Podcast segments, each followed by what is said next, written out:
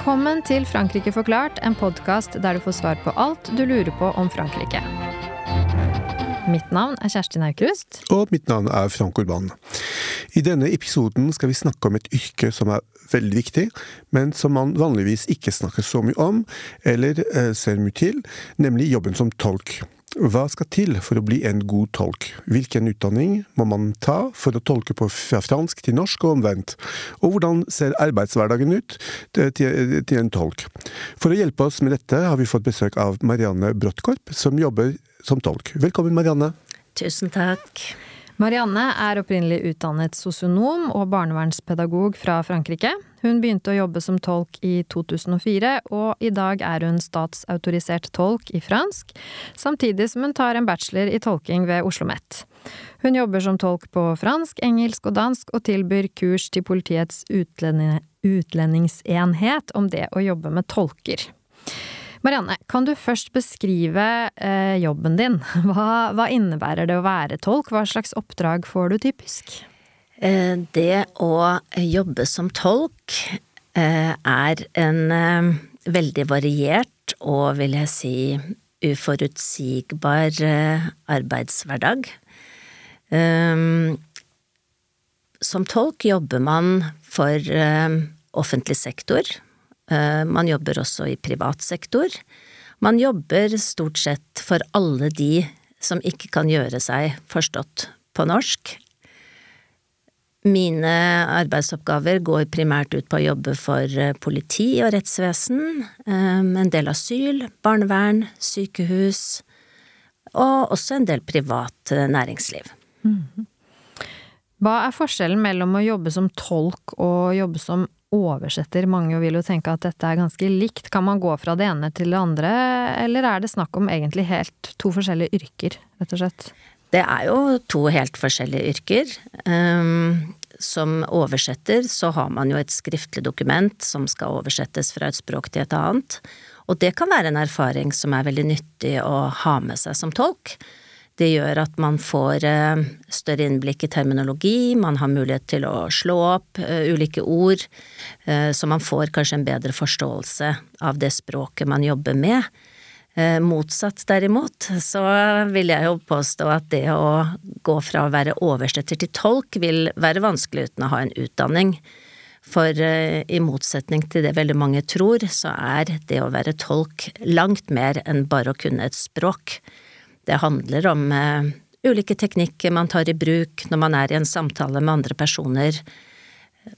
Ja, i det hele tatt, det er uh, mange kvaliteter man må ha som tolk som går utover det å beherske to språk godt. Ikke sant.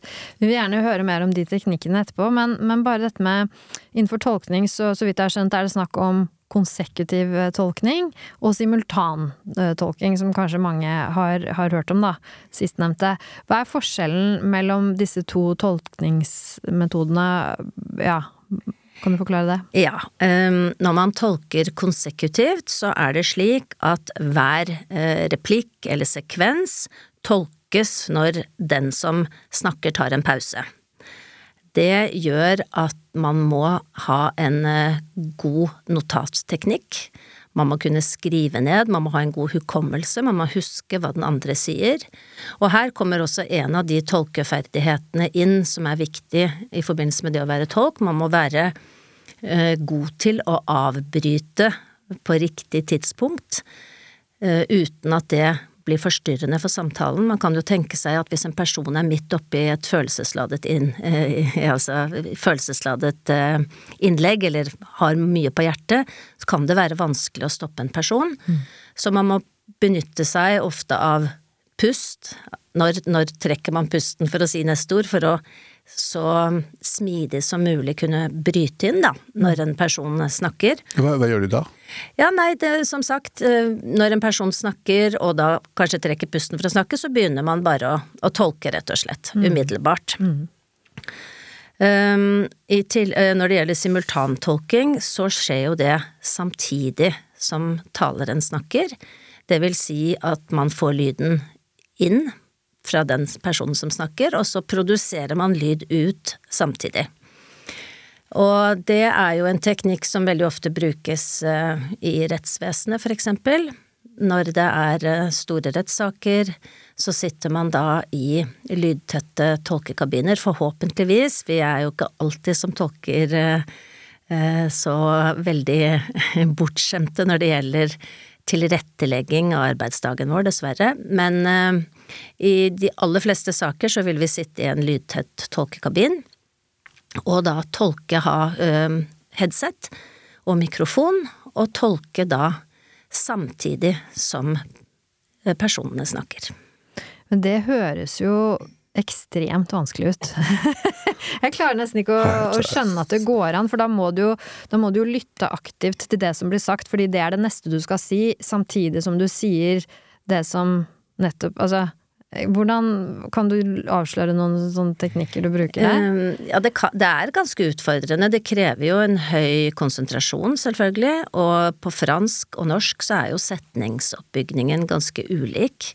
Så ofte så vil man være nødt til å snu på setningen når man eh, skal tolke. Man legger seg til noen teknikker når man jobber på denne måten, ehm, og det blir lettere etter hvert som man får erfaring, selvfølgelig. Eh, en av hemmelighetene er å eh, la folk snakke litt før man tolker, altså ikke være redd for å vente litt, mm. Eh, for det kan bli feil hvis man starter med en gang.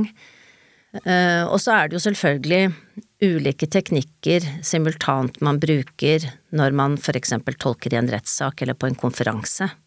I en rettssak vil det jo være svært viktig at alt det som kommer ut, blir oversatt eh, akkurat sånn som det blir sagt. Det kan få en stor betydning for eh, personers troverdighet og rettssikkerhet. På konferanser er det jo litt annerledes. Der er det jo mer et budskap som skal frem, og eh, det hender jo at eh, talere gjentar seg, for eksempel. Da er det jo ikke nødvendig for en tolk å gjenta en setning to ganger, eller ja, mm. den type ting, da. Men personlig syns jeg det er lettere å simultantolke enn konsekutivt tolke, fordi mm. konsekutiv tolking krever for meg en større grad av hukommelse og det å notere effektivt er ganske krevende, altså. Mm. Så når du simultanoversetter, da noterer du ikke? Det har du kanskje ikke tid til? Jo da, jo, man noterer det. da. Ja. Men eh, det man hovedsakelig noterer når man eh, tolker simultant, vil være datoer, navn, ja, mm. den type ting da, som kan være vanskelig å huske. Jeg har faktisk lurt på, jeg har hørt på dem, jeg har lurt på om har de to hjerner? Ja, det er noe de må ha to hjerner. Hvordan, hvordan får de det til? Og så et spørsmål, klarer du det begge veier? Altså, jeg, jeg, kan strekke meg så langt som å, å, skjønne eller å tro at ok, du kan simultantolke fra det ene språket til det andre, men hva med tilbake? Ja, man er jo nødt til å kunne gjøre det begge veier, selvfølgelig. Du må gjøre det, det er og det er, derfor det er, ja, og det er derfor det er viktig å være klar over at det å tolke eh, betyr at man må være god på begge språk. Ja. Mm, ja. Helt klart. Ja. Men du, nå, nå, nå, går vi litt i med, med, med, jobben og utdanningen og alt. Hvordan kom du selv eh, å jobbe som tolk? Er det noe som, eh, som, du tenkte på lenge for veien, eller er det noe som Var det veldig tilfeldig? Hvordan, hvordan kom man på det? Du, det var eh, ganske tilfeldig for min del. Jeg befant meg på et tidspunkt i en livssituasjon som gjorde at jeg ikke kunne eller hadde lyst til å fortsette i den jobben jeg hadde som sosionom barnevernspedagog i flerkulturelle barnevernssaker, der jeg jobbet primært, eh, og tenkte at nå må jeg gjøre noe annet, eh, tenke litt alternativt.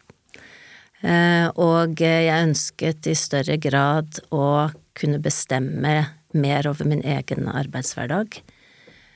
Arbeide når jeg hadde lyst, blant annet. Ehm, og til ulike tidspunkt. Så for mitt vedkommende var det ja, veldig tilfeldig at jeg, at jeg fant dette yrket, og når jeg først startet med det, så ble det med en gang noe jeg faktisk kan gå så langt som å si at jeg opplevde som et kall. Det var Jeg fant virkelig ut at jeg har funnet min plass, så jeg er lidenskapelig opptatt av jobben min og gleder meg til å gå på jobb eh, hver gang jeg skal på jobb. Så du bestemte deg for å bli tolk, og så tenkte du mm, hvis jeg skal tolke på fransk, så må jeg, lære, jeg må lære språket. Så begynte du å lære fransk. Eller du kunne jo språket fra før. Jeg kunne jo øh, fransk fra før, så jeg øh, hadde jo ikke noe behov for å lære meg fransk for å bli tolk, men øh, det jeg derimot hadde et behov for, var jo å ta en utdanning, og selvfølgelig spesialisere meg innenfor øh, ulike sjangere og terminologi. Det er jo en, kjempejobb øh, å jobbe som, som tolk. Det kreves jo en høy grad av innsikt i ja, ulike områder, altså kunnskapsområder, da. Men du snakket om utdanning. Hva, hva finnes det av utdanning i Norge? Hva, hvilken utdanning må man ta for å begynne å jobbe som tolk? Ja, dessverre så er det slik at det i utgangspunktet ikke kreves noe som helst eh, av utdanning for å være tolk i Norge. Det er ingen krav som stilles for å jobbe som tolk. Og det har jo vært en stor bekymring eh, over lang tid for eh, mange etater, fordi det har jo ført til at mange som kan et språk, kanskje bare et godt og det andre mindre godt, har tenkt at ja, jeg kan jo bare jobbe som tolk. Eh, og det har jo ført til at det har vært eh, vanskelig å jobbe som tolk til tider, fordi man ofte har blitt eh, sett litt ned på, eller tolkeyrket har hatt et litt negativt rykte, fordi det har vært så mye variert kvalitet på de som har tolket. Men det prøvde jo, og har jo da både Oslo OsloMet og Høgskolen på Vestfold gjort noe, prøvd å gjøre noe med, ved å starte da en tolkeutdanning, og som nå da har blitt eh, omgjort til en, en bachelor. Og så har vi jo det som heter statsautorisasjon i tolking, og så finnes det jo tolkekurs og også eh, sånne språktester som gjør at man kan prøve å kvalifisere seg for å kunne jobbe med dette yrket, da. Så målet vårt eh, som tolker er jo at eh, det etter hvert vil bli en beskyttet tittel, og at det kreves at man har eh, disse eh, ja, eksamene for å kunne virke som tolk, da. Du, du kom litt inn på det med hva er det, hva er det man lærer på, når man tar den utdanningen. Eh, Den er jo bygd opp av flere moduler. Er, du har en modul som heter tolking i offentlig sektor, og så har du ulike eh, andre moduler som er lagt til, som for eksempel eh, simultantolking. Det kan være tolke- og oversetterfagets historie, det kan være tolking i komplekse møter der man jobber mer spesifikt med for eksempel hvordan tolke i retten. Eh, Og alle disse modulene settes da sammen til en bachelor, og den, og utdanningen består hovedsakelig av teori, praktiske oppgaver, eh, og også en del rollespill der man øver seg på ulike teknikker, som nettopp det å notere, hvordan ta ordet. Vi har jo en, eh, en sånn frase som vi leser opp, og som vi sier høyt eh, hver gang vi skal tolke, som eh, er som følger. Takk. En eh, tolk skal tolke alt som kommer til uttrykk, uten å legge til, trekke fra eller endre noe av innholdet. Tolken skal være upartisk og nøytral, og er underlagt absolutt taushetsplikt. Og så pleier vi også å si noe om at eh, det er partene selv som har ansvaret for samtalen, at tolken makulerer eventuelle notater etter at eh, samtalen er ferdig og eh, at tolken ikke kan bidra for eksempel med egne meninger eller utføre andre oppgaver enn å være tolk. Det hender jo også når man er på et sykehus at man blir bedt om at kan du ikke bare følge pasienten etter å ta blodprøver, eller kanskje blir man sittende på venterommet eh, hos politiet med en eh, siktet person. Og det kan jo, man kan jo bare forestille seg at det kan eh, føre til en del uønskede situasjoner der man plutselig får informasjon eller blir stilt spørsmål som man overhodet ikke verken kan eller vil eller har lyst til å svare på. Når du tar den utdanningen, den bacheloren, så får du en del karrieremuligheter. Hvilke muligheter har man med den utdanningen? Når du først begynner å jobbe som tolk, hva, hva ligger foran, hva kan du gjøre? Det er jo å tolke i, eh, som sagt, i alle de situasjoner der folk ikke kan gjøre seg forstått og ikke kommunisere med hverandre. Det kan jo være alt fra, ja, sykehusbesøk, asylsøknader, eh, retten hos politiet, barnevern, ja, konferanser i utlandet. Og det, det, varierer nok litt fra språk til språk. Som fransk så har jo vi den fordelen, vil jeg påstå, at vi nok er blant dem som har størst variasjon i forhold til hvilke oppdrag vi får. Både fordi vi har eh, et så stort antall av ulike afrikanske land. Eh, det er jo krevende, vi må jo sette oss inn i ganske mange lands historier og ulike konflikter som pågår rundt i verden, blant annet. Eh, men vi har jo også da mulighet til å jobbe for store selskaper som for eksempel har eh, kontorer og ansatte i Norge. Mm. Ja. Og du var litt inne på det med, med disse afrikanske landene. Er det noe spesielt man må kunne som fransk-norsk tolk? Uh, som er kanskje forskjellig fra andre språk, tolk, eller tolk som jobber med andre språk. Hva er det som er spesielt med den, den dreiningen fransk-norsk? Um, jeg kan jo ikke svare så mye på hva som er annerledes for andre språk, men en av forskjellene på fransk når det gjelder en del afrikanske land, er jo at noen afrikanske land har for eksempel vært belgiske eh, kolonier før. Da har man jo en annen måte å uttale, eller ikke uttale, men eh, snakke om tall på, for eksempel. Eh, litt sånn som mellom dansk og norsk. Og man vil også kunne ha språk der ulike bokstaver, for eksempel L og R, eh, uttales eh, mm, omvendt. Rwandere, for eksempel, gjør det. Og det som også er interessant, er at en del afrikanske land har et litt arkaisk fransk, det vil si at de bruker ord og uttrykk som ble brukt i Frankrike kanskje for 100 år siden. Og eh, der kan alder være en fordel. Jeg er jo 58 år og oppvokst med kristendom på skolen, for eksempel. En del afrikanere har jo mye eh, religion, eh, mye henvisninger til tro, den type ting, da. Og selvfølgelig, som på alle språk, man må jo sette seg inn i slang, man må sette seg inn i ja, de ulike kulturene man tolker for. Man må gjøre et godt bakgrunnsarbeid før man går inn i et oppdrag. Hvilke personlige egenskaper vil du si at man bør ha for å jobbe som tolk? Jeg tenker at man må være eh, fleksibel. Man må ha god diksjon. Man må selvfølgelig beherske begge de språkene man tolker på, på et høyt nivå. Um, man må også være veldig bevisst på det ansvaret man har i forhold til taushetsplikt og upartiskhet. Ehm, jeg har jo også, og, og jobber jo også med å undervise i tolking på Oslo OsloMet, og ehm, der ser vi jo at en del elever av og til kan ha utfordringer med for eksempel å tolke for personer som eh, har en annen kjønnsidentitet enn det som man tradisjonelt ser på som det vanlige, hvis man kan si det på den måten. Andre vil ha problemer med å tolke for personer som eh, blir blasfemiske, som banner mye. Så som tolk så kan man ikke ha, tenker jeg, eh, noen personlige begrensninger på hva man kan si eller ikke si.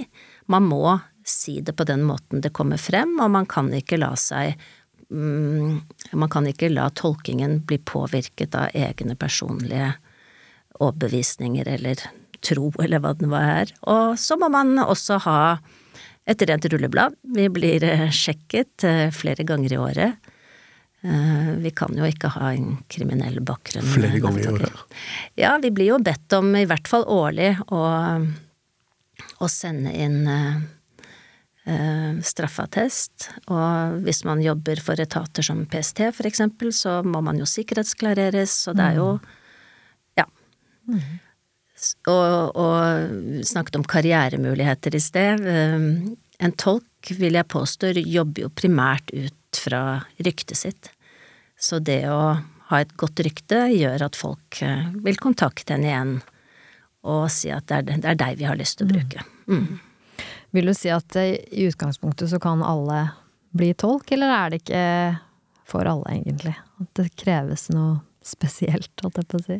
Jeg tror ingen kan ha alle yrker. Nei. Nei. Jeg tror det krever spesielle egenskaper for alle yrker. Uansett om man eh, skal jobbe som eh, statsminister eller sitte i kassa på Kiwi, liksom. Jeg tror eh, tolkeyrket er langt fra for alle. Mm. Og, det, ja, og, og en annen ting som også er viktig, som kanskje ikke fokuseres nok på bestandig, er også den fremtoningen man har. Hvordan man kler seg, blant annet. Uh, har jo sett tolker komme i retten i joggedress, og jeg tenker jo at uh, man, man, må på en måte tilpasse Man må være litt sånn kameleon, man må kunne tilpasse seg ulike situasjoner. Mm, ja. Du nevnte i stad at det var viktig å, med noe ba, litt bakgrunnsinfo, da. Kan du si litt mer om hvordan man forbereder seg til et oppdrag? Altså lager du ordlister, eller eh, leser du deg opp Du sa disse afrikanske landene som hadde konflikter, kanskje, med ja, det, som er relevant da, for oppdraget. Hvordan, hvordan, forbereder du deg helt konkret? Ja, for eksempel hvis jeg blir spurt da, av Politiets utlendingsenhet om å være med på en registreringssamtale i forbindelse med søknad om asyl, så vil jeg jo mm, med en gang spørre om kjønn og land. Og ut fra det så vil jeg jo da gå inn og lese meg opp på det landet, se om det har skjedd noe spesielt der i det siste. Det er jo ofte slik at folk eh, forlater sine land når det har skjedd noe spesielt, og beklageligvis er ikke Norge så veldig god på å gi så mye informasjon og nyheter uh, om ting som skjer utenfor Norge, er, er, min erfaring. I hvert fall sammenlignet med både franske og britiske medier. Mm. Uh, og så blir det jo da å ja, lese seg opp på ulike stedsnavn, konflikter, og så lager man seg jo en, en ordliste ut fra det. Mm. Gjelder det et uh, oppdrag hos politiet, for eksempel, så har det jo betydning om uh, det er en uh, et seksuallovbrudd, eller om det er økonomisk kriminalitet, ikke sant. Så man vil jo gå inn da, og så vil man lage seg en relevant ordliste. Mm. Noen ganger kan man ta feil, det kan kanskje komme opp helt andre ting, men som regel så vil det være en god støtte. Ikke sant. Mm. Vil du si at det tar lang tid å bli eh, god tolk? Jeg tror aldri man blir helt utlært som tolk. Mm. For meg er det en kontinuerlig prosess, og spesielt eh, etter å ha flyttet fra Frankrike, så blir det jo ekstra viktig å holde seg oppdatert på ting som skjer der. Mm. Stadig nye ord. Eh, mye skjer jo i de forskjellige landene. Så det er en kontinuerlig prosess, og det er det som gjør det så spennende, fordi man utvikler seg hele tiden, syns jeg, da. Mm. Du var, du var litt inne på um, hvordan tolken Hvor mye plass tolken skal ta i en situasjon. Eh, at, du skal være til stede, du skal kunne avbryte når det er nødvendig, men du skal ikke ta for mye plass.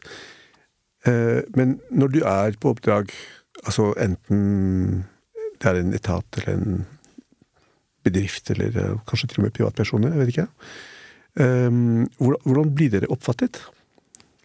Den beste tilbakemeldingen jeg får, er jo når noen sier til meg 'Å, vi merket ikke at du var her engang'. Og der kommer vi jo også inn på en av de eh, tingene som er viktige eh, ved det å være tolk, det er blant annet hvordan man plasserer seg i rommet. Eh, det at man sitter i en trekantformasjon der eh, tolken da vil sitte i spissen, om man kan kalle det det, av trekanten, og at de partene som skal snakke sammen, sitter overfor hverandre. På den måten så vil det være lettere for dem å holde blikkontakt med hverandre, selvfølgelig. Eh, og det vil også gjøre at tolken får en mer nøytral rolle. Så um, det å ikke ta plass, samtidig som man selvfølgelig ikke må være redd for å be om en gjentakelse eller en oppklaring av noe hvis man ikke har fått med seg noe, det, det er viktige egenskaper. Men det, men det må skje en gang iblant at de snakker direkte til deg og ser på deg og forveksler på Eller de det skjer veldig ofte. Ja, det skjer ja. Og, og, ofte så vil jo de som er urutinerte med å bruke tolker, uh, kunne finne på å si kan du spørre han om hvordan det går i dag, ikke sant, uh, den type ting, og hvis vi da oversetter det direkte, så vil jo da kanskje den andre parten tenke hvem er det jeg vil du jeg skal spørre? Mm. Så vi sier jo også ofte det, henvend dere direkte til hverandre. Det er jo meningen at de skal snakke sammen, mm. som om tolken ikke var der. Og det er jo krevende. Og det er jo selvfølgelig fristende å se på den lyden kommer ut fra. Mm. En litt sånn øh, konstruert situasjon, på en måte? Som, ja, ja. ja, det blir jo mm. det. Og det er jo også andre situasjoner hvor øh, la, Det hender jo vi tolker i terapirommet, for eksempel. Og da blir det jo øh, Man har jo en tendens som menneske til å ville gi ting en mening. Mm. Og hvis en psykolog eller en psykiater skal stille en diagnose, så er det jo ekstremt viktig at tolken ikke legger til eller endrer noe av det innholdet mm. eh, hvis pasienten snakker usammenhengende eller eh, tilsynelatende ikke gir noe mening eh, mm. når hen snakker, da. Men det snakkes om profesjonell avstand. Hvordan, hvordan, hvordan beholder du den profesjonelle avstanden i enhver situasjon? Jeg tenker på at du tolker retten, altså du hører en del tøffe ting, ikke sant. Altså, og, og, du har sikkert folk som ser på deg, og som forventer at du skal støtte dem, ta deres parti. Eh, hvordan, hvordan, eh, hvor vanskelig er det å forbli nøytral i vanskelige situasjoner? Det kan være ekstremt vanskelig, spesielt hvis man eh, kommer ut for situasjoner som man kanskje har opplevd selv. Kanskje må man formidle et dødsbudskap, kanskje vil man måtte fortelle en person at det, henne er alvorlig syk, eller kanskje har noe skjedd med eh, et barn som er på alder med ens eget, så det er krevende å skulle være nøytral eh, alltid. Men det blir jo ekstremt viktig, og det er faktisk eh, så viktig at man klarer å beholde den profesjonaliteten av respekt for de som også skal motta disse budskapene. Det er klart hvis man begynner å gråte som tolk når en person får formidlet at du har ikke lenge igjen å leve, så vil jo selvfølgelig ikke det være Altså det vil jo påføre en ekstra belastning for den personen kanskje mm. som, som får det budskapet, da. Krevende, det høres absolutt krevende ut. Eh, du har, så vidt jeg har skjønt, også tolket en del i ulike europeiske land. Eh, hvilke erfaringer har du derfra, og, og, hva vil du si er likheter og ulikheter mellom det å jobbe som tolk i Norge og i andre land? Det tror jeg er en ganske stor eh, forskjell, selv om eh, vi har en lang vei å gå i Norge når det gjelder å lage en bra profesjon for tolker, og det å få beskyttet denne tolketittelen som jeg snakket om så er vi på veldig mange områder langt foran eh, bare våre naboland som Danmark og, og Sverige. Eh, når det gjelder andre europeiske land, som for eksempel Frankrike, da, som jeg kjenner ganske godt til, så er det å være konferansetolk det som er eh, som har høyest status. Der er de gode tolkene. Og det handler rett og slett om at offentlig sektor i Frankrike eh, ikke prioriterer verken å betale eller å rekruttere tolker til eh, konkurransedyktige vilkår. Så jeg eh, må si at jeg tenker med gru på hvordan de som trenger tolk i fransk rettsvesen, får ivaretatt sin rettssikkerhet, fordi det har lavstatus. I Norge så har vi jo faktisk eh, en eh, ja, jeg vil si en helt ok eh, betaling for den jobben vi gjør. Hvilken utdanning har man i Frankrike for det?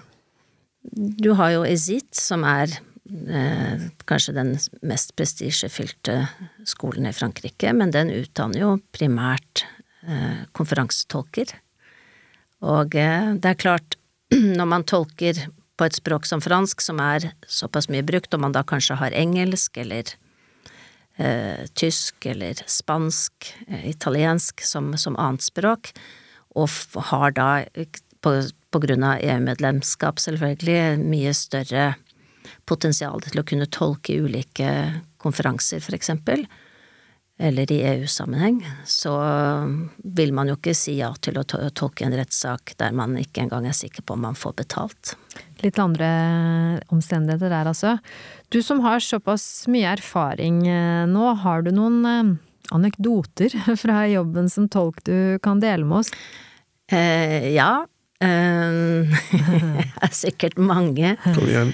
Eh, Jeg eh, husker at jeg skulle tolke i en veldig alvorlig eh, voldtektssak en gang. Og eh, det var mange eh, som hadde lett etter denne personen i lang tid. Det hadde vært eh, mye eh, oppslag om det i media, og til slutt så hadde de da pågrepet en person. Og vedkommende skulle avhøres, og det var på lyd og bilde. Eh, vi hadde denne karakteristiske speilveggen som man ser i kriminalfilmer, hvor det satt en rekke personer bak og observerte. Så det var på en måte et stort oppbud. Jeg var ganske, jeg var ganske ny i jobben. Eh, og kom jo inn eh, pent kledd og så jo sikkert litt sånn ordentlig ut. Og så ble vedkommende spurt om han hadde gjort det han var eh, mistenkt for, og han svarte ja på det, og ble bedt om da å fortelle hva han hadde gjort. Og da brukte han et eh, veldig eh, grovt språk når han snakket, jeg skal ikke gjengi det på radio, men han var eh, veldig grov. Og jeg tolket jo selvfølgelig det. Og jeg husker da i første pause så kommer disse personene bak denne glassveggen ut, og så ser de på meg, og så sier de ja, du kaller en spade for en spade. og så sa jeg men jeg må jo si det han sier. Hvis jeg gjør penere de ordene han bruker, så vil dere jo få et helt annet inntrykk, selvfølgelig, av, av vedkommende. Ja. Så det er, det er noe med å kunne tørre å stå i å si de tingene som faktisk blir sagt, og det gjelder jo, man må ha et stort språklig register, og det er jo selvfølgelig eh, Jeg har jo tolket for eh, Laurent Fabius eh, en gang. Tidligere statsminister. ja, Sosialistisk. Ja. Og eh, det er klart, da er det jo viktig at man bruker det registeret han bruker, ikke sant, så det er jo Så du hadde et sosialistisk språkregister, er det du sier? I hvert fall ikke så mye slang eller banneord, da, for å si det sånn. Nei. Hvis du skulle anbefale yrket, eh, hva vil du si, hvorfor burde man satse på, på den utdanningen, hvorfor burde man satse på det yrket? Hva har du fått selv personlig, hva, hva er jobben som tolk gitt deg profesjonelt? Kanskje personlig òg? Det kan jo være et ganske ensomt yrke til tider. Eh, og det som kan være utfordrende, for å starte med det, er jo at man får eh, mye informasjon som kan være vanskelig, som man ikke kan dele med andre.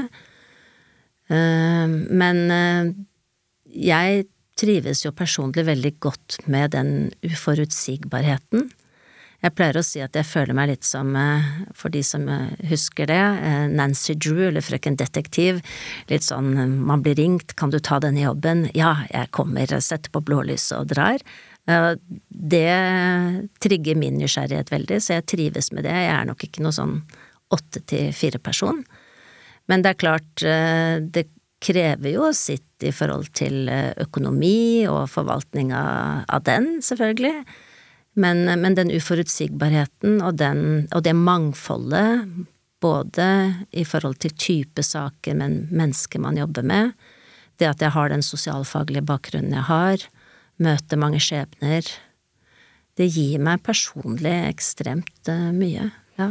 Det høres veldig givende ut, i hvert fall.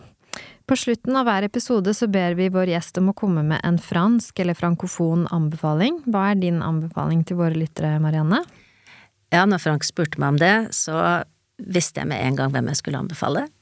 Og det er eh, Jeg trodde egentlig at han var en ung mann. Han er vel i og for seg ung mann, men han er vel ja, begynnelsen av 40-åra.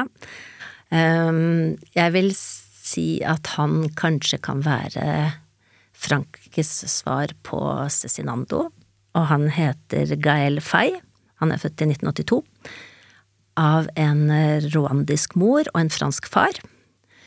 Og de måtte flykte til eh, Burundi av folkemordet. Og han kom alene til Frankrike som eh, flyktning, eh, veldig ung. Han er sanger, rapper og forfatter, og har en helt fantastisk måte å bruke språket på. Veldig rikt språk.